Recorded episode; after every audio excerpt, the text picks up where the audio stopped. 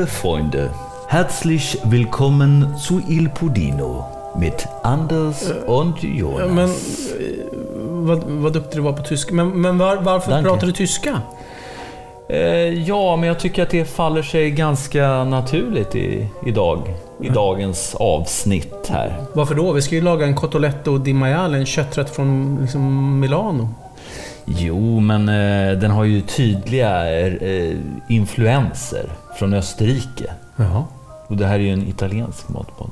Ein italienisches Lebensmittelpodd auf Schwedisch. Ja, Ja, ja. men jag, alltså, alltså, vi ska ju laga cotoletto. Det är ju en italiensk rätt. jo, men så här är det Anders. Jag har ju gjort research. Ja. Mm, det gör jag inför varje avsnitt. Ja, fall. Eller Ja. Som det heter på tyska, Forschung. Googling kallar vi normala Ja, människor men där för. ingår då att skärskåda de recept som du presenterar. Och det har jag gjort även här och funnit att det här receptet har ju tydliga influenser av Centraleuropa. Jaha. Det är i praktiken ett österrikiskt recept. Eller som man skulle kunna säga, eine österreichische Lebensmittel. Jaha, så att den här veckan blir vi en österrikisk matpodd på svenska. Ja, eller som man säger på tyska, ein österreichisches Lebensmittelpodd auf Schwedisch. Jawohl.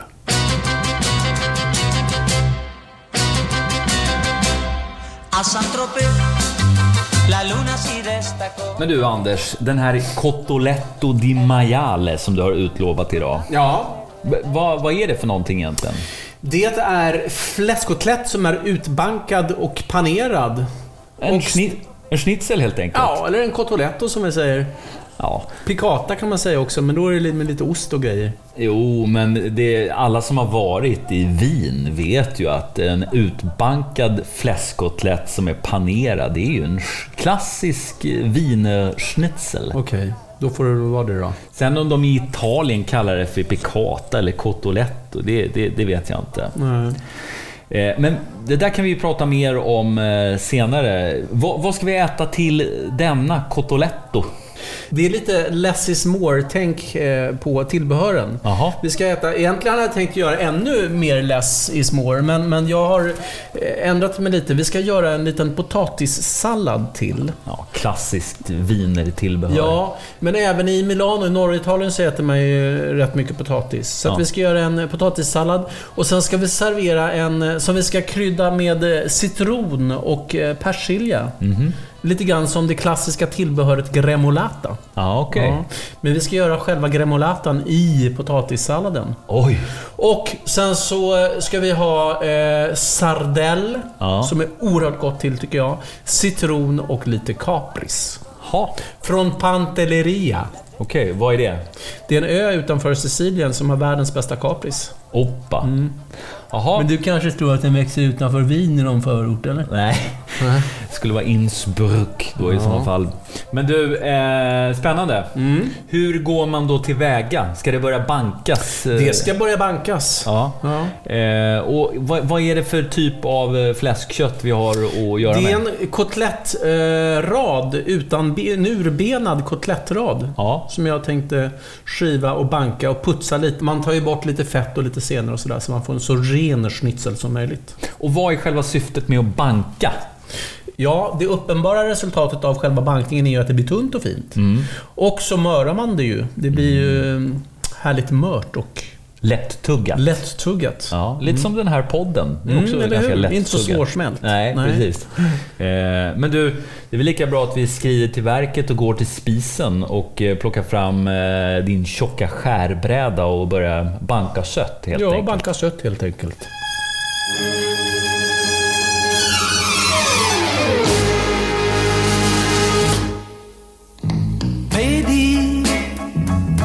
Queste lacrime che scendono. Jaha Anders, då har vi förflyttat oss till ditt kök Ja. och du har fyllt en kastrull med ett gäng små fina potatisar. Och fyll på med aqua comunale. Ja. Ska man inte dela upp de där potatisarna först? Nej, det gör man sen. Jaha. Och sen har du då skurit ut eh, fyra stycken eh, små fina kotletter av ditt fläskkött. Mm, köttet. Fläskköttet. Och ser du vilket fint fläskkött? Ja. Det här är ju en nibblegris. Ja, från- ekologisk. Ekologiskt. Svinigt gott. Svinigt gott. Ja. Och varför gör du inte det här på kalv då? Kan man också göra. Ja. Men idag gör vi det på gris. Ja, Ska det vara så svårt att förstå? för grisköttet är lite fetare, Ja, minst lika mört ja. Och minst lika gott nästan tycker jag. Om man får tag på riktigt bra gris. och nästan lika vitt Ja. som kalvkött. Ja. Ja, men eh, banka ut den där jäveln Och, då. och ska, det vara, ska det vara riktigt vitt kalvkött, då Ja. är ju det djurplågeri. Och det tycker vi inte om här på Il Podino, den österrikiska matpodden på svenska. Nej, precis menar jag. Mm. Ja. Mm. Helt rätt. Ja, men eh, stå inte här och, och fabulera. Jag bankar. Ja. Och det som låter här då är inte att jag eh, smackar på Anders eh, med en eh, rotting där bak. Nej, Utan att du eh, jag trodde jag skulle ta en annan vändning. har ett eh, trubbigt föremål, eller vad säger man? Ja, en, Du- kött, en, en, en sött, sötbank. Ja. Som du då eh, bankar ut den här mot, mot en eh, skärbräda. Ja, precis. Det har Och- vi gjort förut i Il Podino, men då var det kalv eh, som låg eh, på skärbrädan. Ja, och eh, varför bankar man då kalven, eller grisen i vårt fall? Jo, därför att man vill få den tunn Ja. och man vill få den mör. Ja. Vi liksom pajar ju köttfinerna lite grann här nu, så att det blir mört och fint. Och ser du, jag, jag liksom... Jag vänder köttbanken lite grann på sniskan så här, så att man nästan slår rakt igenom den här köttbiten. Ja. Det finns ju såna här köttbankar med taggar på, eller med... med vet du? Ja, jag vet precis. Det, det, kan man ju ha till att möra. Men eh, ja, man står och bankar dem så här tills man får fyra styckna lagom tunna, härliga små fläskschnitzlar. Ja. Och sen då? Sen ska de paneras? Ja, men det är, ju, det är ju sen. Nu är nu och sen är sen. Okej.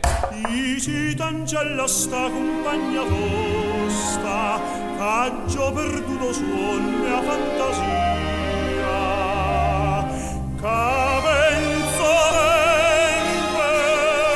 Du Jonas, Ja. Här ska paneras. Grejt, grejt. Och du har ställt fram tre stycken assietter. ja, tre Två ganska... platta och en eh, med lite mer eh, volym. Ja, en djup tallrik brukar jag kalla det för. Ja. Och det jag, det jag gör då är att i den första tallriken, där har jag lagt farina. Mm. Vanligt vitt mjöl. Ja. Råkar vara 00 för det var det jag hade, men det spelar absolut ingen roll. Nej. Vanligt mjöl. Ja. Sen så har vi, knäcker jag här ägg. I den me- mellersta lilla skärlet. Mm. Och du kan eh, med din eh, vispa runt det lite grann sådär ja. Och i det sista, där har vi pangratato. Vad betyder det? Ströbröd. Egentillverkat. Jaså? Ja, jag har gjort det där själv faktiskt. Jaha. Mm, och gammalt surdegsbröd som har legat och blivit torrt. Ja. Mixar man det. Då slipper man gå till eh, sin lokala eh, Lebensmittelgesellschaft och eh, köpa ströbröd. Det är riktigt det. Ja. Och jag tycker inte det, det är inte ett tecken på snålhet, det är ett tecken på sundhet. ja, Eller hur? inget ska förfaras. Nej, eller hur? Så, nu har Men vadå, du ska ha den i, i... Du ska panera den två gånger? Ja, dubbelpanering helt vanligt. Det räcker, du behöver inte vispa mer nu. Hä? Hä? Nej. Du, ja, då gör man så här. Då panerar man först då den här lilla skinksnitsen. Och nu sänker Anders ner ett fläskstycke i mjölet. Då tar vi först i vanligt, eh, vanligt mjöl. Ja, Det här är en gammal svensk hederlig dubbelpanering. ja. Så. Så att man först får mjöl på, på båda sidorna utav Och då den här. kör du allihop. Det är inte så att du kör en, en, eh, kotlett först i mjöl, sen i ägg, Nej, sen i ströbröd. jag, jag kör, jag kör allihopa på en gång så här. Ja. För nu kommer det börja bli kladdigt det här förstår du. Ja. Vi ska, nu är det inget kladdigt för nu har vi bara haft det i vanligt mjöl. Men nu kommer det börja kladda. Sen... Och där går den första kotletten ner i äggblandningen. Ja, just det. Och då får man se till att man får ägg så det täcker så här. Och sen därifrån, du får köra sista då. Nu lägger jag den här i ströbrödet, får du vända runt den och fixa och fixa där. Jag klarar det. Och vad är egentligen syftet med ströbrödet? Är det liksom för att få en härlig crunchy yta på det? Härlig crunchy panering på det. Jo, jag bara menar vad, vad är Ja, själva kommer ju- syftet vi med kommer ju paneringen ste- egentligen? steka det här i smör. Ja. Och ströbrödet kommer ju suga åt sig av det här goda smöret. Ja, gött. Förutsättningen är ju att det här kommer bli ännu godare än Italien. Vet du varför? Nej. Vi har godare smör här i Sverige. Ja, du brukar säga det. Mm. Men du, eh, det här med Österrike, eh, Tyskland, kopplingen till, till eh, Italien. Ja. Det kan ju tyckas långsökt, men det är inte ett dugg långsökt. Nähä. Kan jag lägga den här ovanpå den. Mm. den redan panerade schnitzeln? Nej, inte ovanpå panerade schnitzel kan du inte lägga. Du kan lägga den bredvid sådär. Ja, förlåt. Nej, men man brukar ju faktiskt säga det att eh, norra Italien, Mm. där Milano ingår, Ja. det har ju mer gemensamt med södra Tyskland än med södra Italien. Ja. Och det finns ju också ganska stora områden i norra Italien där man pratar tyska. Ja, just det. Ja, det kan man ju se ibland när man eh, tittar på utförsåkning på, på TV. Ja, eller Att- slätförsåkning också. Ja, de, de har... eh, Italienarna där, eh, de har ju väldigt italienska dräkter. Blåa. Azzurri. Men deras efternamn och när de sen står i någon segerintervju, då, då är de inte så flinka på italienska. Och varför då undrar du? Ja, varför då Ja, Jonas? det ska ni strax få höra.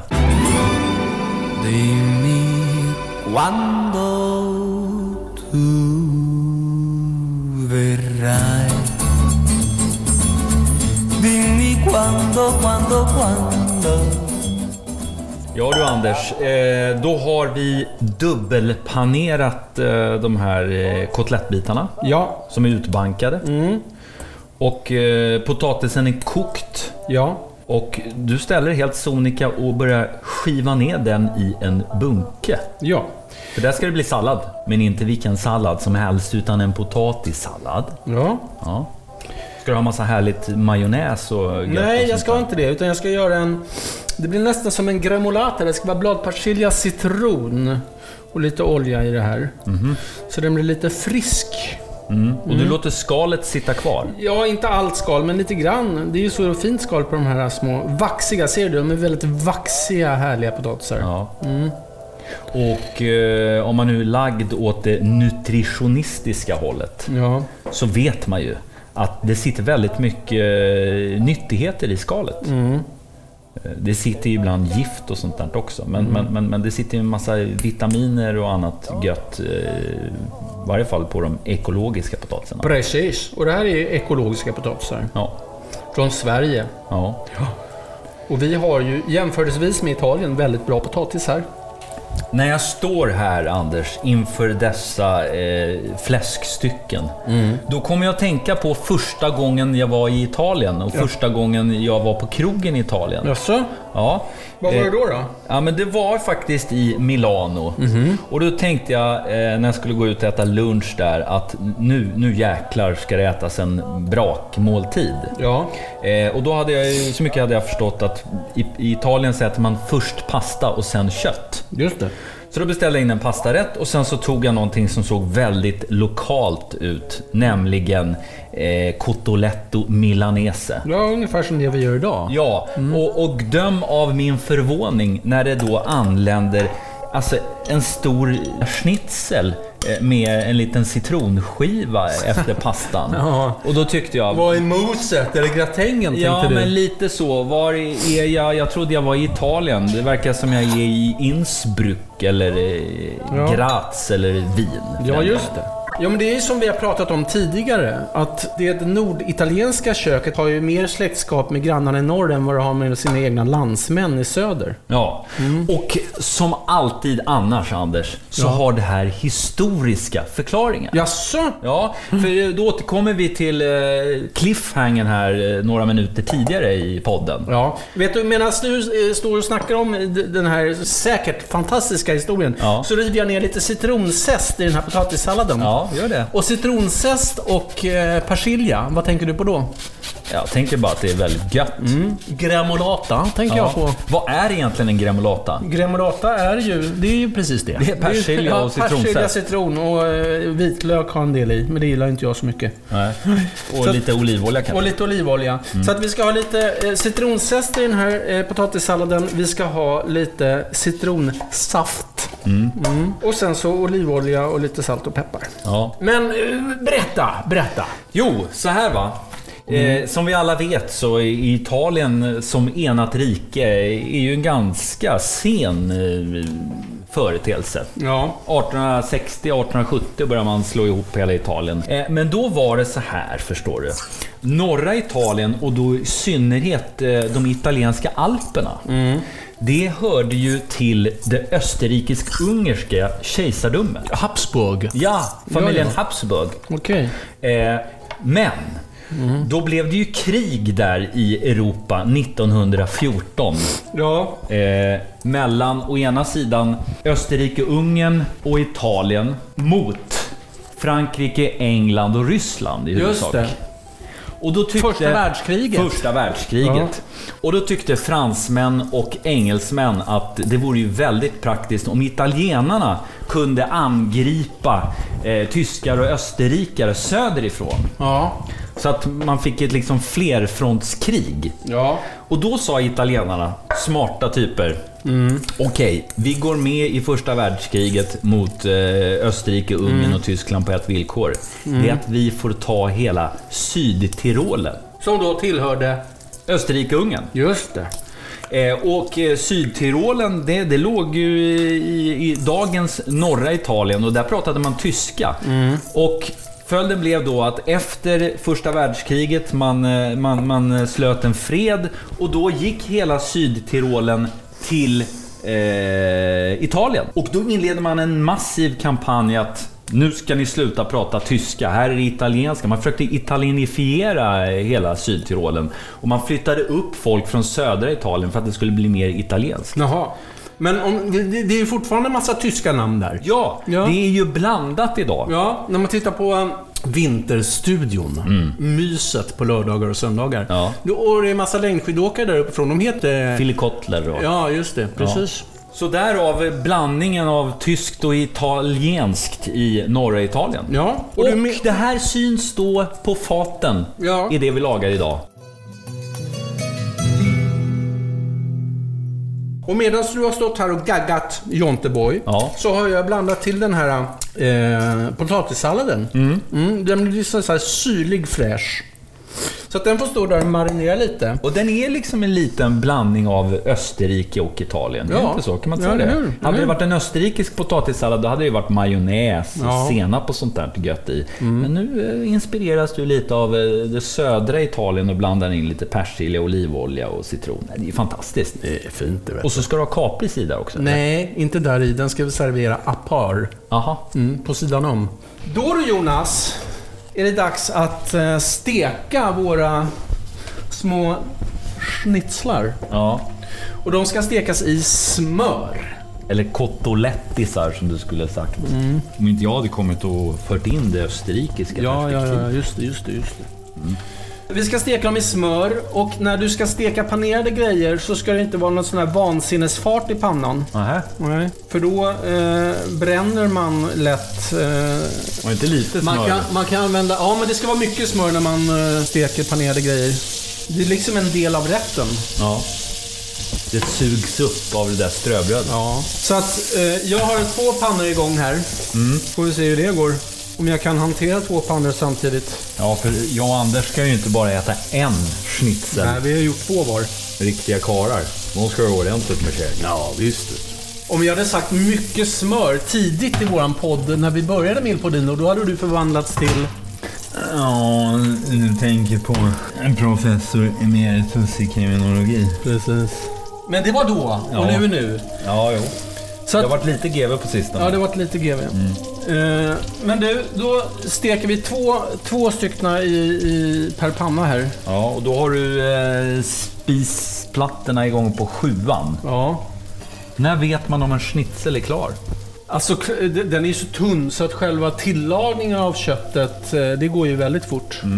Det handlar Man- om ytan nu. Man, ja, precis. Man ser när den börjar bli vackert eh, gyllenbrunt stekt. Okej, då har de här blivit... Kolla vad fina. Åh. Man ser på liksom på eh, hur det ryker från pannan. Hur eh, väl de har tillagats. Ja, Jag har haft de här på kanske tre minuter på ena sidan. Och så kommer det gå... Behöver inte ligga på tre, i tre minuter panna. Det räcker med en minut nästan så du får lite fin färg på dem bara. Men du, det syditalienska inslaget i denna rätt stannar ju inte bara vid eh, lite olivolja och persilja. Du har ju eh, också eh, lite sardeller här Ja. och lite kapris där. Ja, precis. Capris från Pantelleria. Pantelleria. Det där, förlåt Jonas, men Ja. jag måste faktiskt ta det här. Det är en ö som ligger utanför Sicilien som Ja. heter ändra Pantelleria eller Pantelleria. Jag tror den heter Pantelleria. Men det har gått lite troll för mig, det där ordet. Ja. Ja. Och Så jag, att- jag kan ju då berätta för lyssnarna att du var ju tvungen att ringa här till vår bekanta eh, Johanna Westman för att fråga. Ja, Och hon sa, det heter pantelleria. ja det sa hon ja. Tre minuter senare så har du något slags hjärnsläpp. Ja, förlåt. Ska det vara så svårt? Ja, tydligen. Tydligen så är det. Si sono rotti platter ed ora che si fa la vita senza platters che mai diventerà Kolla vad fina de blir. Men vad ska du göra med kaprisen och sardellerna? Caprisen från Pantelleria. Mm. Pantelleria. Ja, Så tror jag att det heter. Pantelleria. Ja. Den, den har jag... släpp det där nu. Ja, jag släpper den. Den har jag blöt... Jag har blötlagt den, för den är inlagd i salt. Ja. Mm, så att då har, man, då har man blötlagt den, sköljt den i, i färskt, fint och kallt svenskt vatten. ja. Ja, det är det jag har gjort. Okej, du, ska, du ska bara garnera de här schnitzlarna med lite sardeller och, och kapris? Är det det Ja, säger? vi, vi ska, ja, precis. Man lägger, lite kap, man lägger lite kapris och sardell på. Jaha, Och så får man skära själv lite grann Okej. utav kaprisen. ja, ja. Då är våra små italienska schnitzlar färdiga att servera. Härligt. Då tar vi vår lilla potatissallad. Och det är inte ofta vi lägger potatis och kött på samma tallrik när vi gör italiensk det mat. är det sannerligen inte. Det doftar ju underbart här. Så avslutar vi med, det har jag inte sagt, det är bra att jag kom på det nu. Vi avslutar med att salta lite grann på de här. Dock inte så mycket. För att det I kommer de ju är så- salt från Det kaprisen kommer och salt från kaprisen och sardellen. Så, potatis på en tallrik och sen så en liten sån där rackare. ser väldigt snyggt ut med det här i gröna persiljan Ja, visst- och nästan det. gula potatisen. Så gyllenbruna schnitzel. Och så lägger vi lite kapris på här. Sen, det här tycker jag är hysteriskt gott. Så drar vi på några sardellfiléer på så här. På själva köddebiten.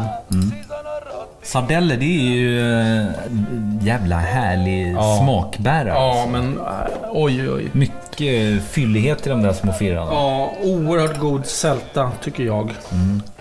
Så, då är det sardell på, det är kapris på. Nu ska vi ha en rejäl bit citron. Ja, det är klart. Ja. Till bords, unge herr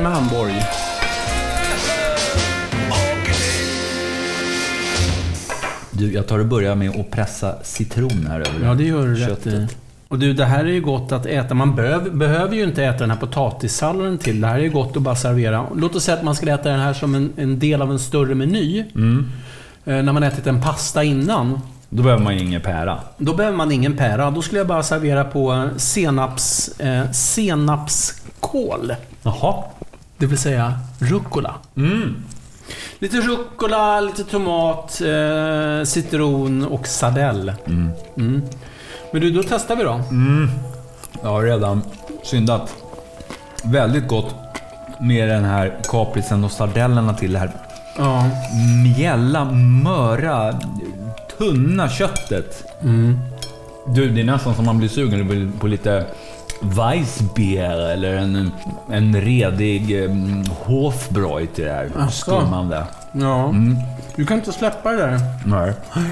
Men du Anders, det här har du gjort riktigt bra. Ja, tack. Du, jag är ju inte som du. Nähä. Nej men, Du kan ju det här. Du, du vet ju vad du pysslar med. Jag lever mer efter devisen “Fake it till you make it”. Okej. Ja, men det här tyskan jag pratade i början. Ja. Jag är inte särskilt bra på tyska. Det lät jävligt övertygande. Ja, men jag hade tyska i högstadiet, men Jaha. var ingen stjärna på det. Asså? Men en sak lärde jag Vad hade mig. du för betyg då? Det var ju ett annat betygssystem på den tiden. Okej, ja. Men det var underkänt. Då. Mm, till min eh, mor och fars stora eh, sorg. Men jag kan säga, du fick eh, klart, du fick A plus för din tyska insats i dagens Ilpodino, måste jag säga. Ja, men en rolig grej lärde jag mig. Ja. Och det är att man i tyska språket har en skillnad på... Man har två olika verb för att äta. Okej. Det är essen då som människor, vi, vi gör, vi Essen, människor. ja, mm. Och sen så när det är djur som äter, Ja. då heter det fressen. Fressen. Och det tycker jag är så härligt. Ja. Och, och jag tycker det här är så gott så att liksom... eh, Man vill bara sluka det här som ett Mm. ja. djur. Ja, just det. En food frenzy på engelska. Ja, något sånt. Ja. Jetzt fressen wir. Med munnen full av schnitzel eller piccata eller eh, Cotolletto. co- cotolletto eller vad det nu är. Det återstår väl eh, inte så mycket mer eh, att säga från oss här på Il Podino än eh, Auf Wiedersehen and goodbyes. bis gleich. Tschüss. Tschüss.